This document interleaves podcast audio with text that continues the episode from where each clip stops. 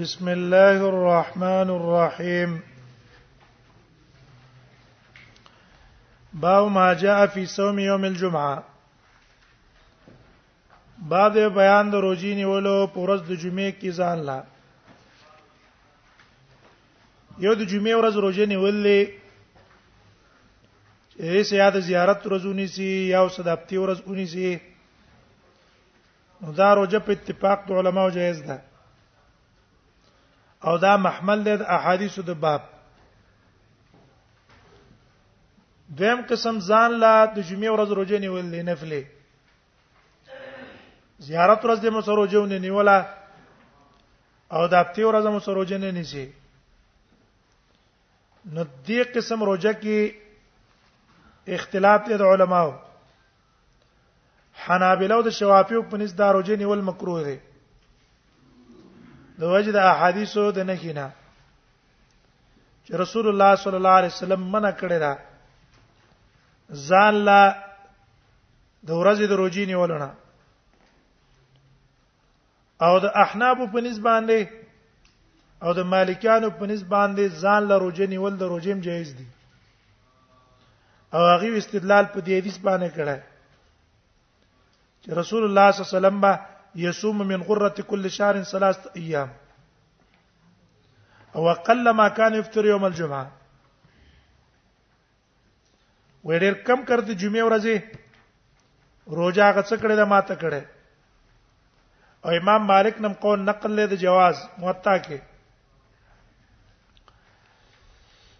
لیکن په دې کې راجح قول اولنې ده ارچ دا حدیث ته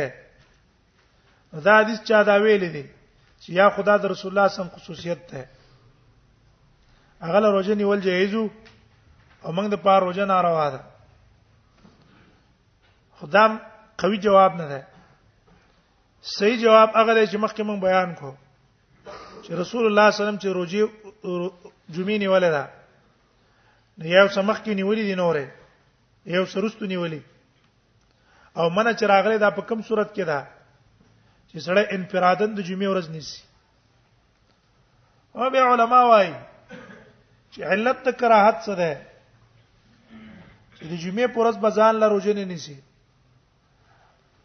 نو یو قول ابن حجر نقل کړه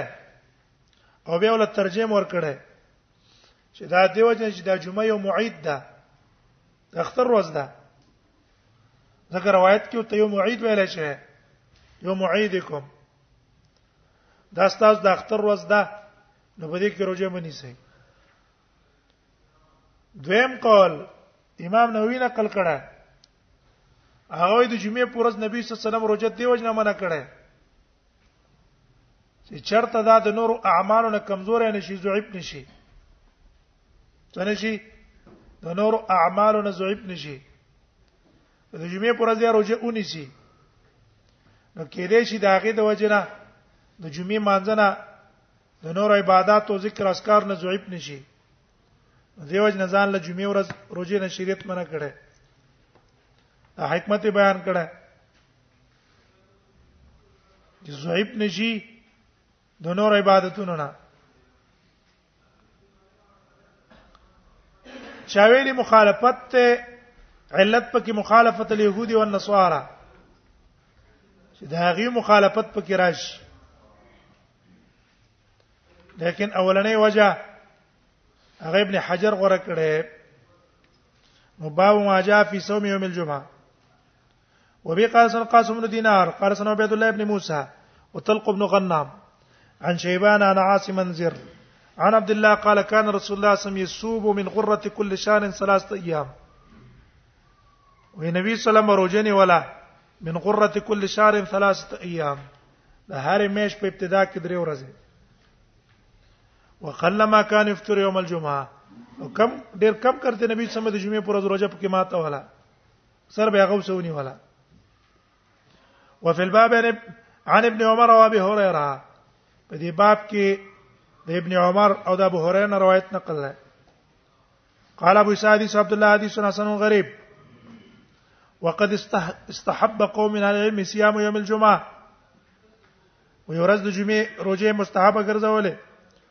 وانما يكره ان يصوم يوم الجمعه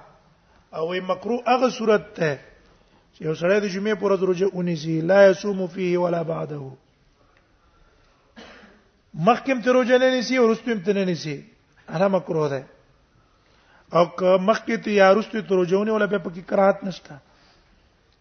وروا شعبان عاصم وې شعبہ روایت نقل کړی د عاصم نه حاضر حدیث ولم يرفعه هغه موقوف نقل کړی مرفوع کړی نه ده باب ما جاء فی کراهیت الصوم یوم الجمعه وحدها ځان له روزي نیول مکروه دی او دا د حنابلو د شوافیو مذهب دی او د محدثینو مذهب هم دی وبي قال سنة النات قال سنة أبو معاوية عن العامش عن أبي صالح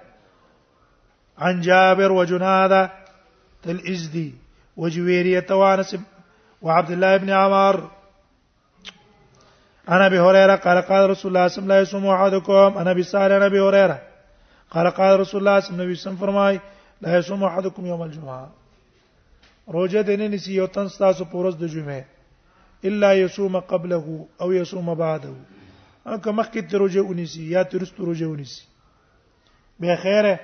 او که دانه ځان له بروج نه نیسی قال ابو سواي وفي الباب عن علي وجابر وجنات تلزدي وجويري وانس وعبد الله بن عمر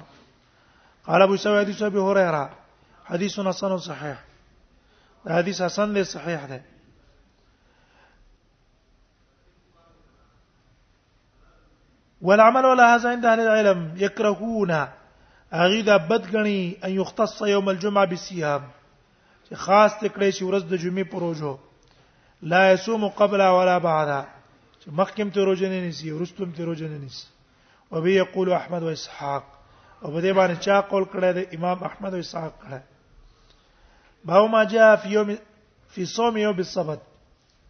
د هفته پورز باندې ځان لرو جنې ول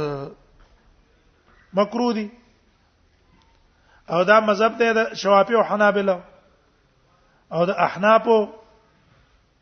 او د مالکیانو په نس جایز هغه دا کوم حدیث چې من راغلی دا دا کمزور نه لیکن وجه د زو په معلومه نه دا سیده دا روایت په درجه د سکه ده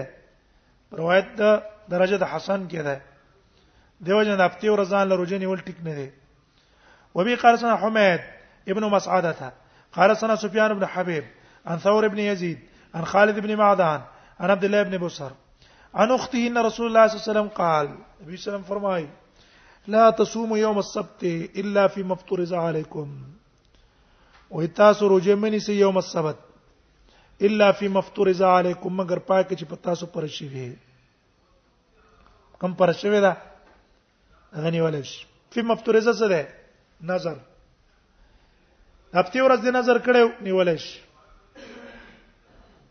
فی مفترض علما وای کدا موافق د هغه ورځو سره لچ کوم سنت دی مثلا عرفه عرفه ورځ د هفته ورځ رااله یا عرفه ورځ د جمعې ورځ رااله نو ټیک د ځان لا جمعه ناروا ده ځان لا عرفه ناروا ده لیکن که د عرفه په دې ورځ باندې رااله ثبت نو که مخالفت وکړو الا یصوم یوما قبل او یصوم یوما بعده بهتره ده او که ودې نکړه الا یصوم احدکم دې ته شامل ده وښوي اگر که په دې کې د الباني صاحب راي ده رحمه الله هغه وي ک چرته جمعه رااله نو مخکې ورستو به سره جنس مخکې به وسنیس یا په ورځ رااله عرفه مخکې جمعه به وسنیس ځکه من راغله لیکن دا نور علما هغه فتوا د جواز ورکړي هغه الا یسوما د استثناء کې غم داخله کړي دا څه کې داخله کړي هغه استثناء کې داخله کړي او کوم حدیثو کې چې نهي د نهي د جمعې د ورځې نه نو هغه احادیث چې ترغیب ورکړی دی پورز د عرفه کې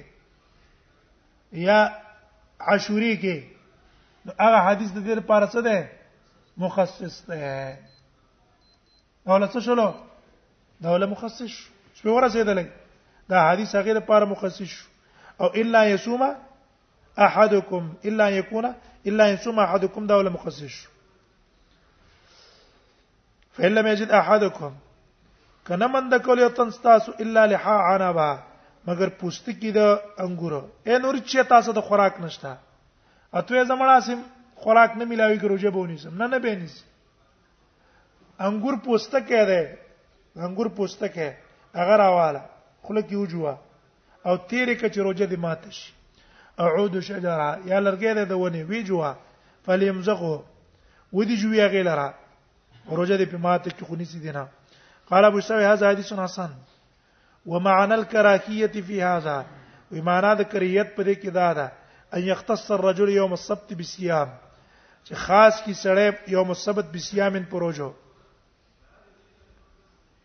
ولی وذک لان اليهود يعظمون يوم السبت ځکه يهوديان د هفته د ورځې څه کوي تعظیم کوي باو ما جاء في صوم يوم الاثنين والخميس يوم الاثنين والخميس روجي سړی نسی وبي قال سن حفص بن ابو حفص عمرو بن علي الفلاس قال سن عبد الله بن داود عن ثور بن يزيد عن خالد بن معدان عن ربيعه الجرش عن عائشه قالت کان نبی سم يتحرى يوم الاثنين والخميس نبی سم به کوشش کوي چې د پیر ورځ زیارت ورځ رجوع ونیسي او وجب دا خود لا چې په دې ورځو کې الله ته اعمال ورخیږي زه دا خو غړم چې زما اعمال الله ته پیشي روزه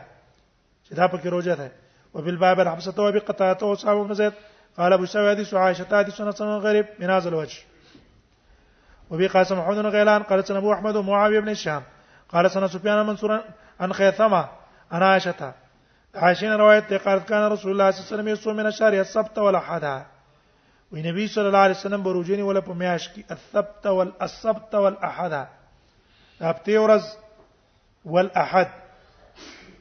او د اتوار ورځ والاثنين او د پیر ورځ کله به دا ونیوله د درې ورځې به روزه کې نیولې کنه میاش کې کوم ځای نه به شروع کړه حد سبت اثنين ټول به نه نیوله د لپاره چې کمزور نه شي او ومن الشهر الاخر او بل مېش کې به شروع وکړن الثلاثاء والاربعاء والخميس